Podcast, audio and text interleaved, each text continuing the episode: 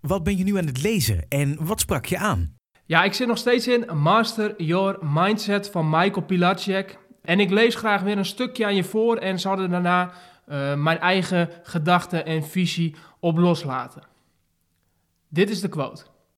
Intelligentie, persoonlijkheid en talenten kunnen groeien door inspanning, toewijding en doorzettingsvermogen. Dit is volgens de onderzoeken van Carol Dweck de opvatting van mensen met een op groei gerichte mentaliteit.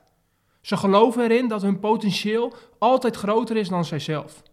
Voor deze mensen loont het dan ook om situaties op te zoeken waarvan ze kunnen leren. Ze durven verantwoordelijkheid en risico's te nemen. En wanneer iets niet direct lukt, voelen ze zich niet meteen machteloos, wanhopig en negatief beoordeeld. Deze houding leidt tot een sterker incasseringsvermogen en prikkelt hen tot krachtiger inspanningen. Waarom sprak juist dit jou zo aan? Ja, dit stuk spreekt me enorm aan omdat het gaat over een wereldbekend experiment, of ik moet eigenlijk zeggen onderzoek, wetenschappelijk onderzoek, waar een experiment een onderdeel van is geweest, eh, van Carol Dweck. En haar onderzoeken en de uitkomsten daarvan, die gaan over de verschillen tussen een groeimindset en een statische mindset. En deze podcast-afleveringen zijn te kort om daar uitvoerig op in te gaan. Maar ik moedig je zeker aan dat als je deze onderzoeken niet kent en het werk van Carol Dweck niet bekend mee bent, om daar zeker eens naar te kijken. Google erop en je vindt van, van alles. Uh, en YouTube net zo goed. Wat het is, is dat zij heeft uitgezocht wat het effect van een overtuiging is van jezelf. En of die overtuiging leidt tot een statische mindset of vervolgens een groeimindset. En het verschil is, ben je ervan overtuigd dat je iets kunt ontwikkelen of ga je ervan uit dat iets vaststaat? En met iets kun je bijvoorbeeld denken aan je intelligentie of je talent. Dus ga je ervan uit dat je talent vaststaat, je hebt het of je hebt het niet. Of je intelligentie, je, bent, je hebt een bepaalde intelligentie um, en dat staat vast. Of ga je ervan uit dat je dat kunt ontwikkelen door eraan te werken, door ermee aan de slag te gaan. Nou, Carol Dweck toont in haar onderzoek aan dat die overtuiging die je daarover hebt, vervolgens bepaalt hoe jij in het leven staat en hoe je met uitdagingen omgaat. Maar veelal ook in hoeverre je succesvol bent in dat wat je doet.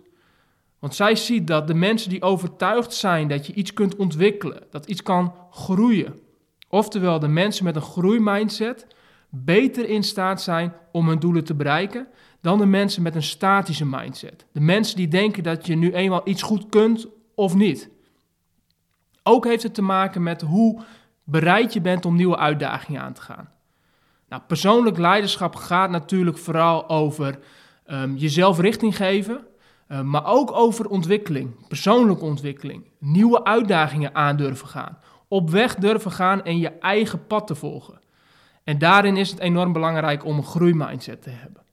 Dus om ervan overtuigd te zijn dat datgene wat je nu hebt, dat pakketje wat je nu hebt, hoe slim je nu bent, uh, hoeveel talent je nu hebt, uh, dat daar rek in zit. Dat als je ervan overtuigd bent dat je dat kunt ontwikkelen, dat je daarin kunt groeien, dat je vervolgens ook de energie en de motivatie gaat vinden om dat te gaan doen. Dus een groeimindset is zo enorm belangrijk en is zo belangrijk om jezelf in te trainen.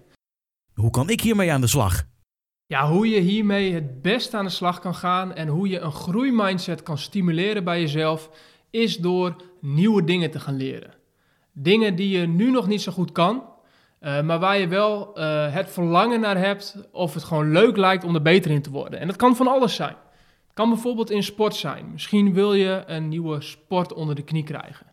Misschien wil je een instrument leren spelen. Misschien wil je een vreemde taal leren spreken. Uh, misschien wil je beter worden in schrijven. Wat het ook is. Kies één ding waarvan je denkt van... hé, hey, dit kan ik nu nog niet. Het zal wel heel tof zijn als ik hier beter in ben... of als ik dit beheers... En zet jezelf aan om daar aan te werken en dat te gaan ontwikkelen. Want daarmee geef je jezelf ook elke keer de boodschap dat er dus rek zit in datgene wat je nu kunt. En zoek juist iets waarvan je misschien nu de overtuiging hebt dat dat niet voor jou is weggelegd. Dus misschien hebben mensen je altijd verteld dat je niet muzikaal bent.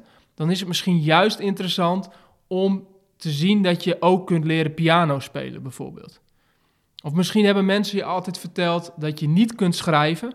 En dan is dat juist iets waarin je jezelf kunt gaan verbeteren. En dus ook kunt zien dat je wel degelijk iets kunt ontwikkelen. En natuurlijk is het niet zo dat het gaat met de illusie dat je daar de beste in kunt worden gelijk. Of dat je um, op eenzelfde level kunt komen als iemand die daar, die daar juist heel veel aanleg voor heeft. Als ik nu zou beginnen met basketballen, dan zal ik nooit en te nimmer het niveau van Michael Jordan aantikken.